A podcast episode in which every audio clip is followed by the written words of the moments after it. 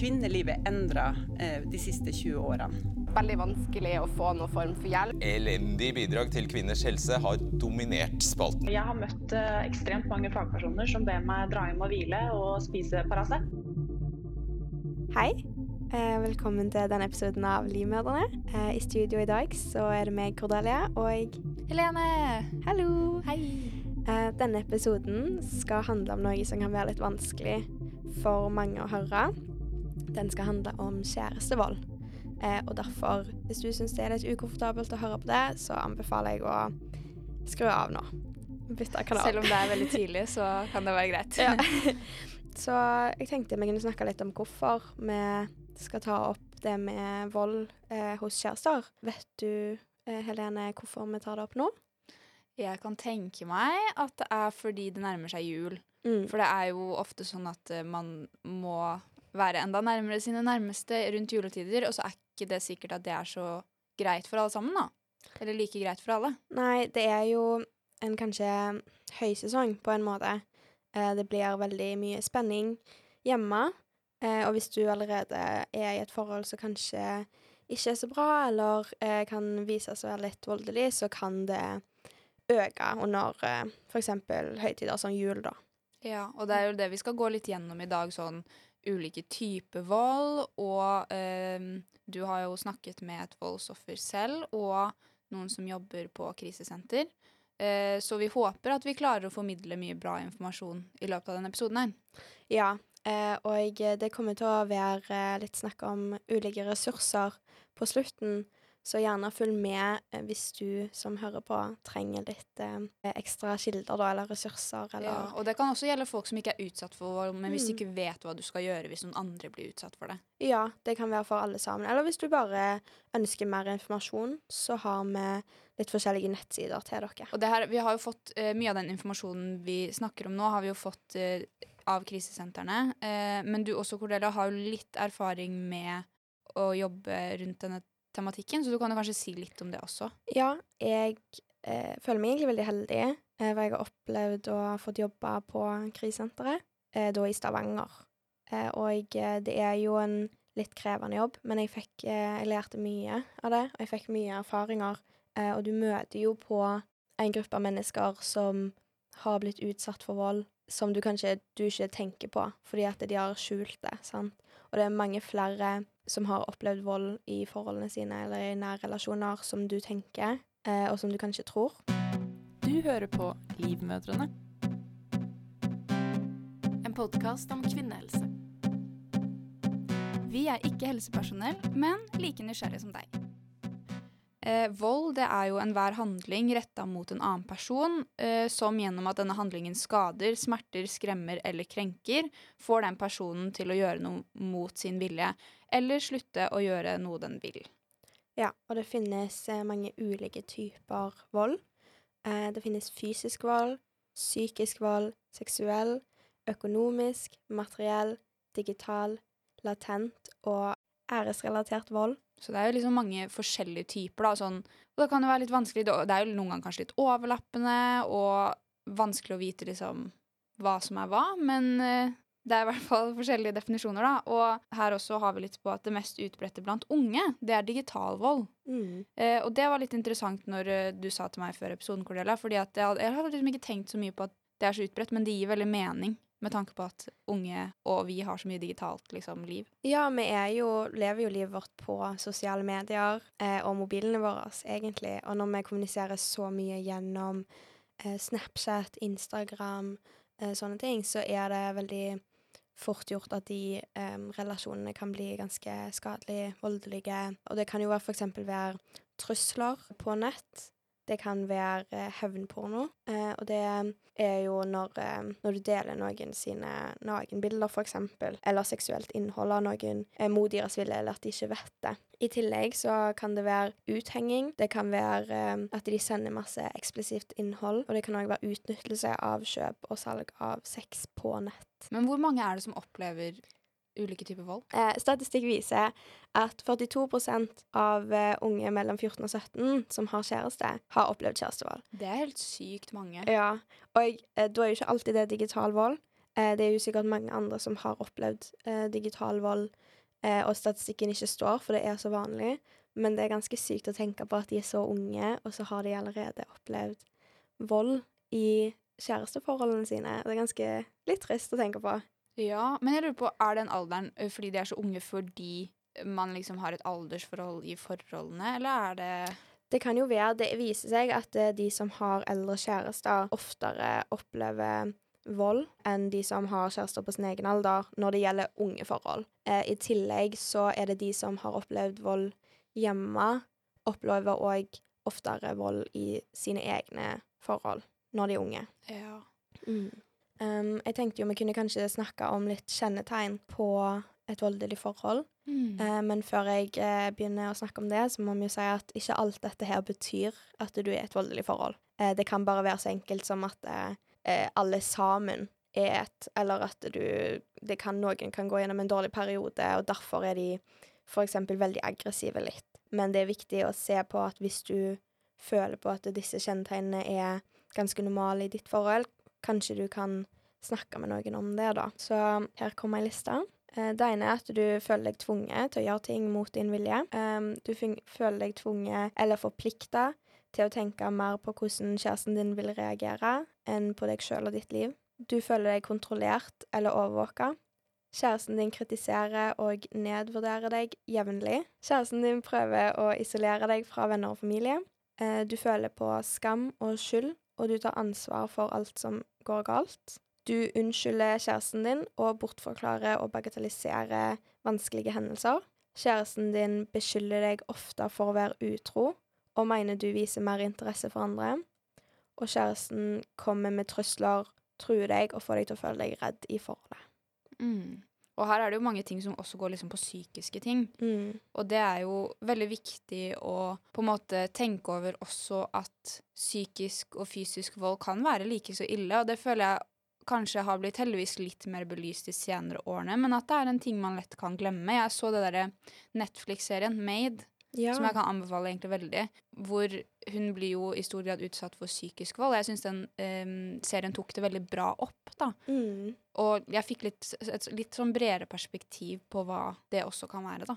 Ja, fordi at eh, jeg tenker òg det er veldig lurt å nevne at alle kan oppleve vold i eh, kjæresteforhold. Og det er jo ikke bare jenter, som ofte blir liksom eh, den vi ser i media, da, som har opplevd eh, vold i nære relasjoner. Og det er jo mye sånn psykisk vold, økonomisk vold, sant, så mye kontroll eh, som det ikke går an å se på kroppen. Og det er jo derfor liksom du kan se litt vekk fra det òg. Jeg har ei T-liste her om faresignaler i et forhold. Eh, og eh, igjen så er ikke det hvis du har opplevd en av disse, så betyr ikke det nødvendigvis at du er et voldelig forhold. Eh, men til sammen så er det noen faresignaler, og du bør kanskje ta kontakt med noen du føler deg trygg med å snakke om da, med dette.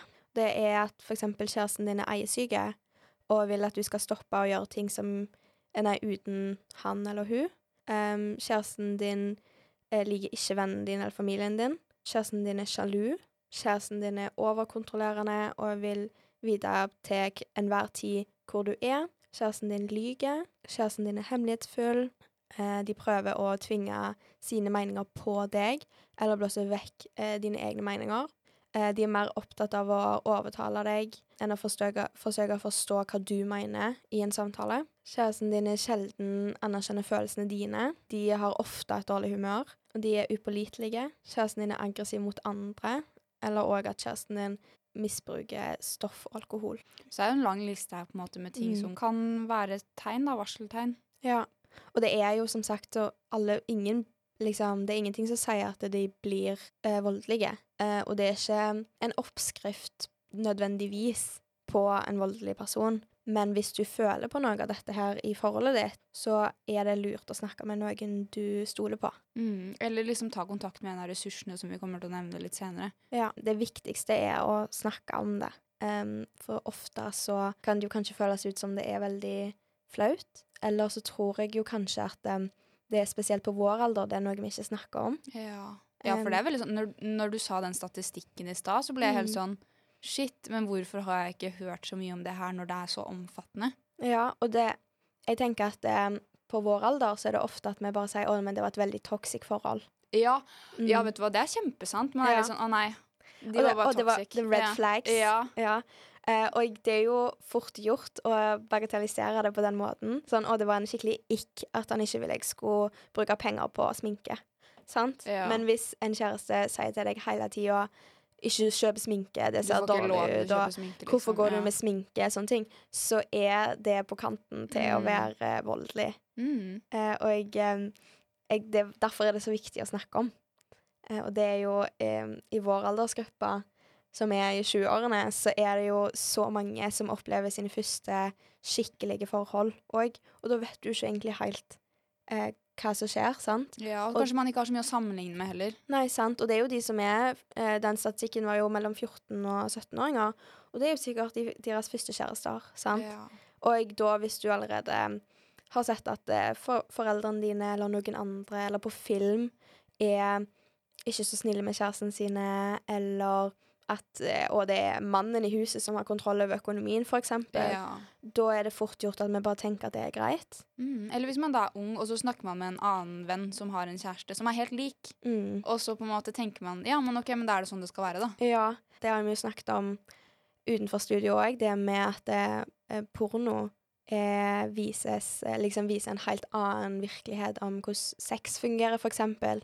Eh, og da kanskje at ungdommer syns det er greier da eksempel slå noen Ja. eh, under sex, eller at sex skal gjøre vondt eller noe. Og det går jo òg inn på vold, sant. Mm. Og Seksuell vold er jo ganske alvorlig, men det er veldig viktig å ha disse samtalene og være åpen om ja, hvordan er sexen deres i forholdet. Ja, og det er faktisk gjort mye forskning og statistikk på hvordan porno påvirker unge, spesielt menn, da, men det kan jo gå begge veier.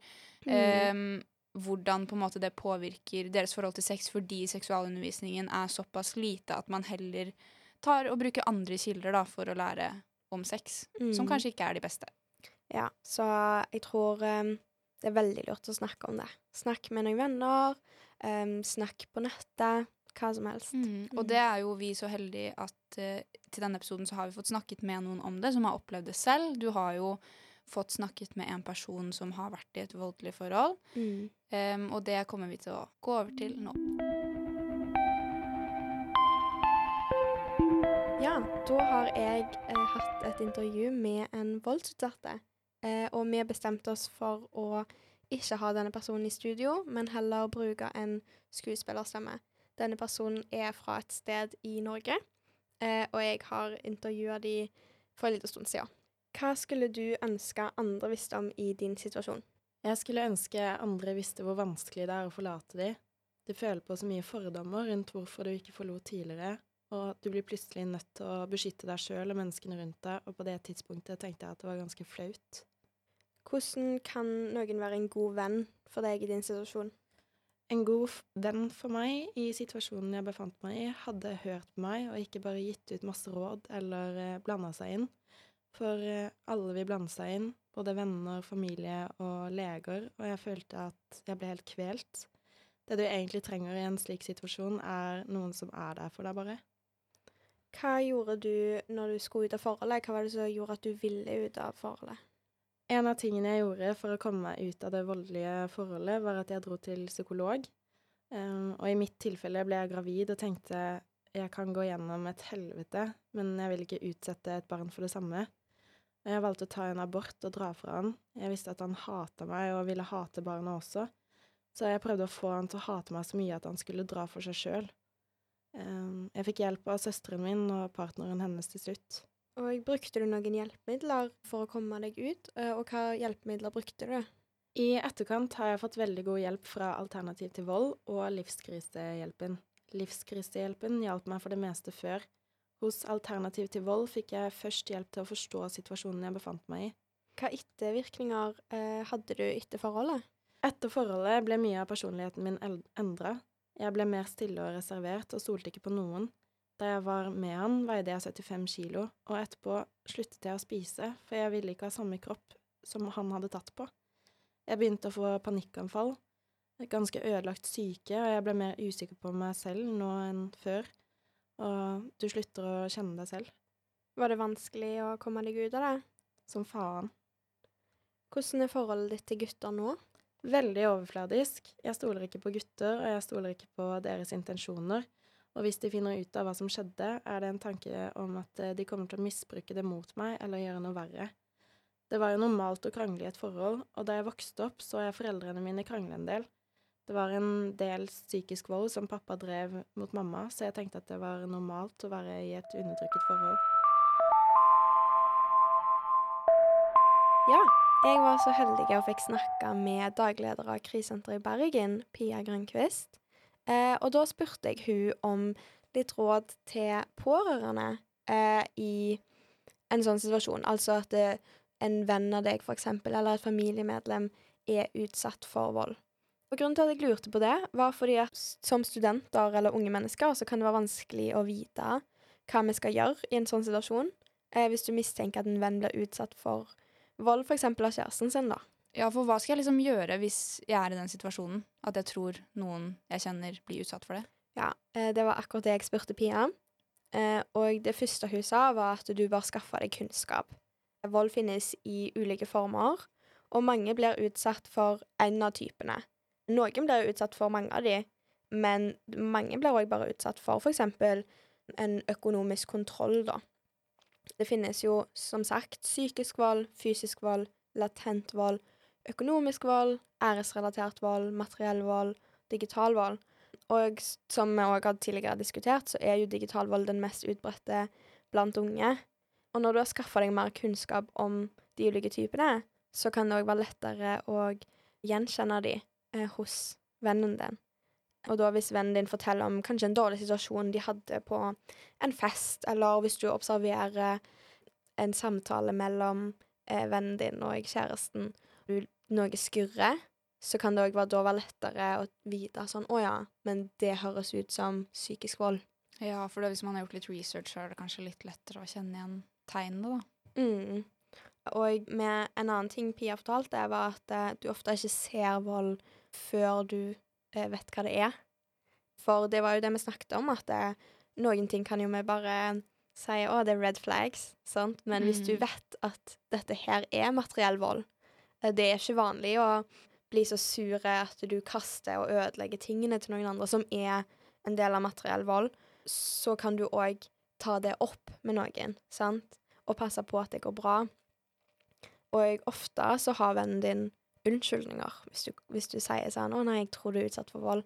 Og det er jo fordi at det, eh, du vil jo kanskje ikke tro sjøl, og så er det jo kanskje òg litt flaut. Mm. Ja, det var jo det hun sa i intervjuet som vi snakket med i stad.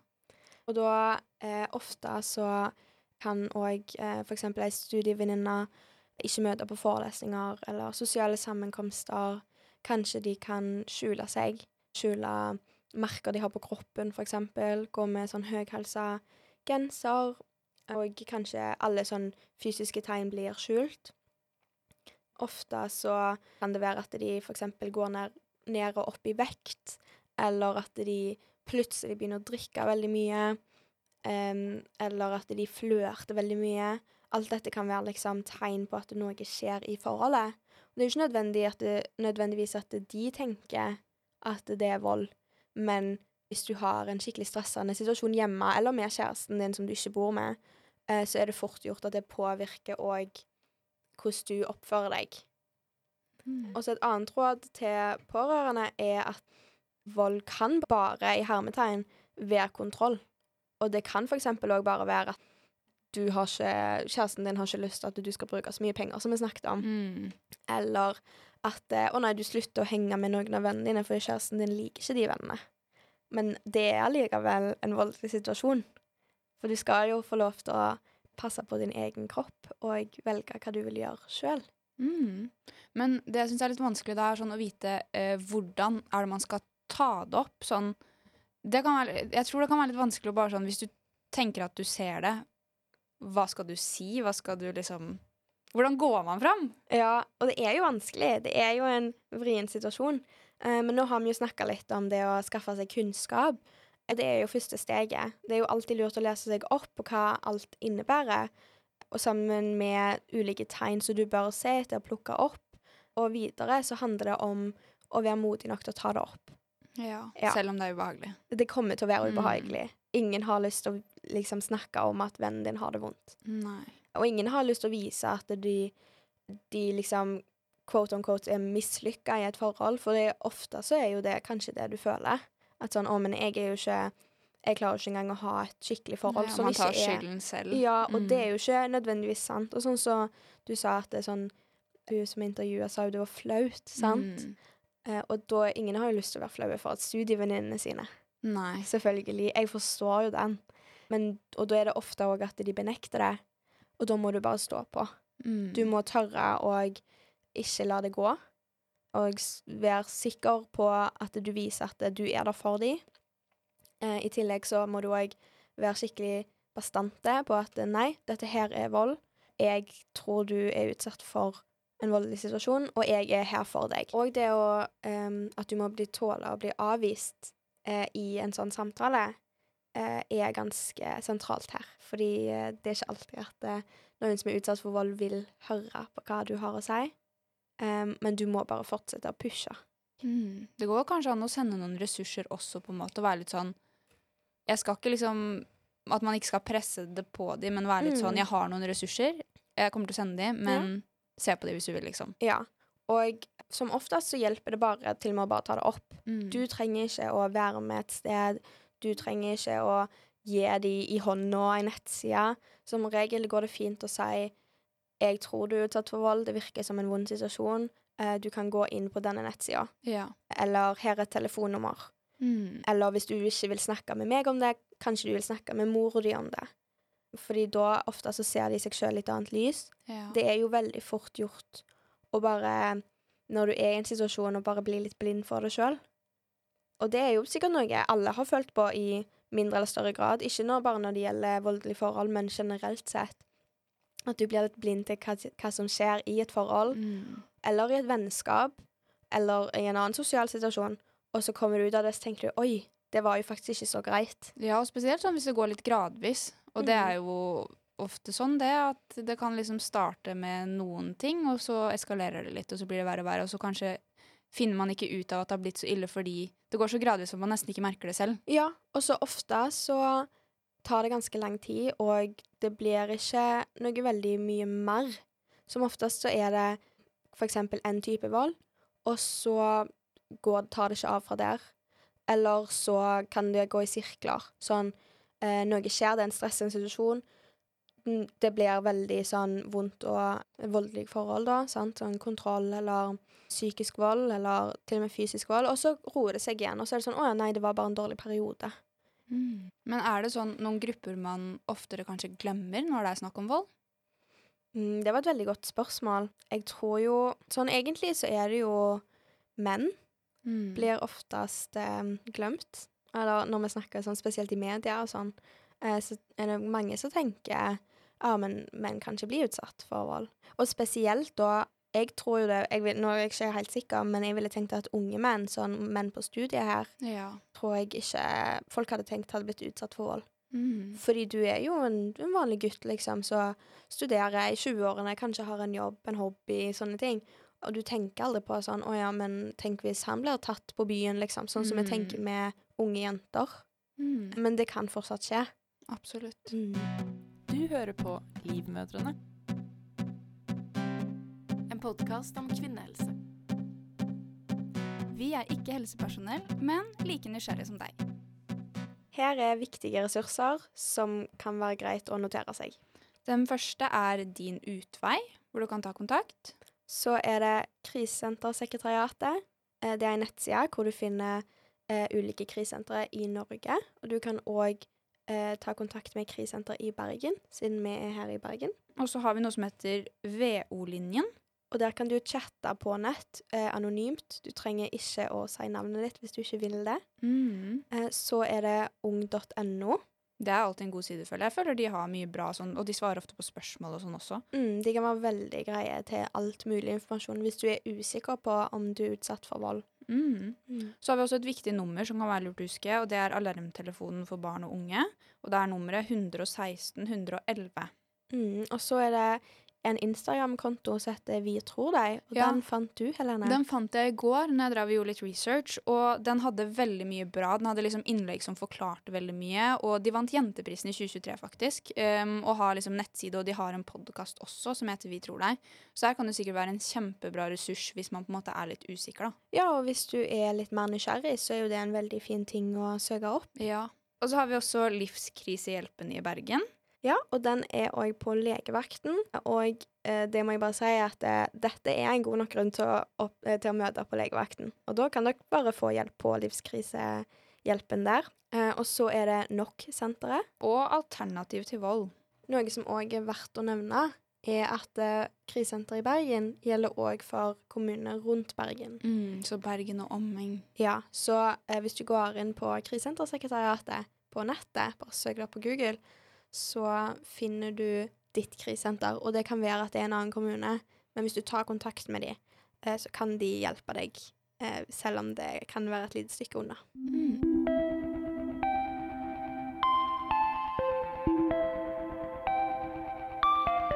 Ja, Helene, nå har jo vi snakka en god del om vold. Eh, og spesielt da kjærestevold hos unge og studenter. Og um, det jeg lurte på eh, etter alt denne researchen, og etter jeg har snakket med ganske mange kilder, er hvorfor det kanskje ikke finnes et tiltak retta mot studenter. Ja, for det er jo det. Vi har jo liksom ramsa opp kjempemange ressurser i denne episoden her. Eh, men så kan jeg tenke meg at siden de liksom ikke er rettet nødvendigvis mot studenter og liksom unge, så kan det være litt vanskelig å vite hvor man skal henvende seg. Fordi det kan føles litt kanskje stort og skummelt. Jeg vet ikke. Ja, og eh, sånn for meg Jeg er jo en student eh, i en by som ikke er min hjemby. Ja. Eh, og da har jo ikke jeg nødvendigvis et sosialt nettverk som kan støtte meg på den måten jeg hadde trengt hvis jeg var utsatt for vold. Um, og jeg, jeg vet ikke, jeg kanskje savner litt sånn en rådgiver å gå til, eller kanskje en telefon, eh, et telefonnummer som er for studenter, eller noe sånt. Ja, fordi jeg føler det kan være sånn Vi har jo sammen psykologene, i Ja. hvert fall her i Bergen, og mange andre studentskipnader har psykologer. Men jeg føler også det kan være vanskelig å dra dit pga. f.eks. partnervold, da, når det ikke egentlig tilbudet er sånn Kom hit hvis du sliter med dette. Ja. Så det hadde egentlig vært veldig fint hvis enten sammen eller noen andre i Bergen, sånn en helsestasjon, kunne hatt et tilbud kanskje som var veldig sånn åpent rettet ut mot unge. Og det kunne Mm. også sikkert skapt litt mer bevissthet, tror jeg Ja. rundt vold. At man liksom, hvis man vet at det eksisterer, så tenker man kanskje litt mer over det, også hvis man ikke er i den situasjonen. Ja, absolutt. Og sånn, for eksempel sånn en helsesykepleier på Ja. studentsenteret, eller um, Ja, sånn som helsestasjon for ungdom. Det, og det Mm. går jo sikkert an å gå til de.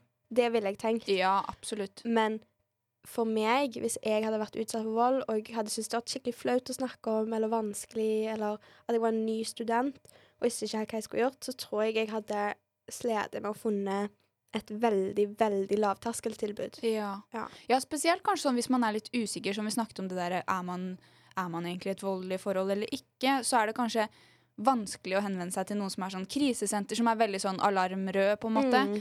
Um, og det hadde vært deilig med, som du sier, lavterskel, at man tenkte OK, men vet du hva, jeg kan faktisk bare gå dit og snakke en time, og så kanskje finner jeg litt mer ut av Ja. hva, hva dette er, hva bør jeg gjøre med det, da. Mm, og spesielt sånn som du sier, hvis du er usikker på om det er et voldelig forhold.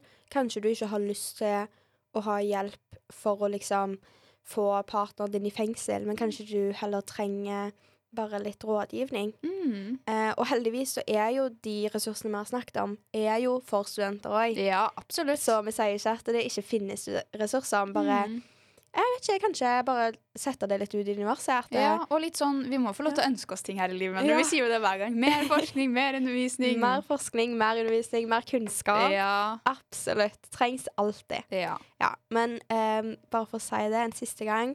Det går alltid an å ringe til krisesenteret. Uh, det går alltid an å møte opp på Livskrisehjelpen i Bergen. Uh, dra til legevakta i din by hvis du trenger det. Uh, se på alle nettsidene vi har sagt. Og det er veldig lov til å bare snakke med et familiemedlem, en venn. Det kommer til å gå fint. Men oppsøk noen å snakke med. Mm. Det er det viktigste å ta med seg herfra i dag, tror jeg. Ja, det tror jeg òg.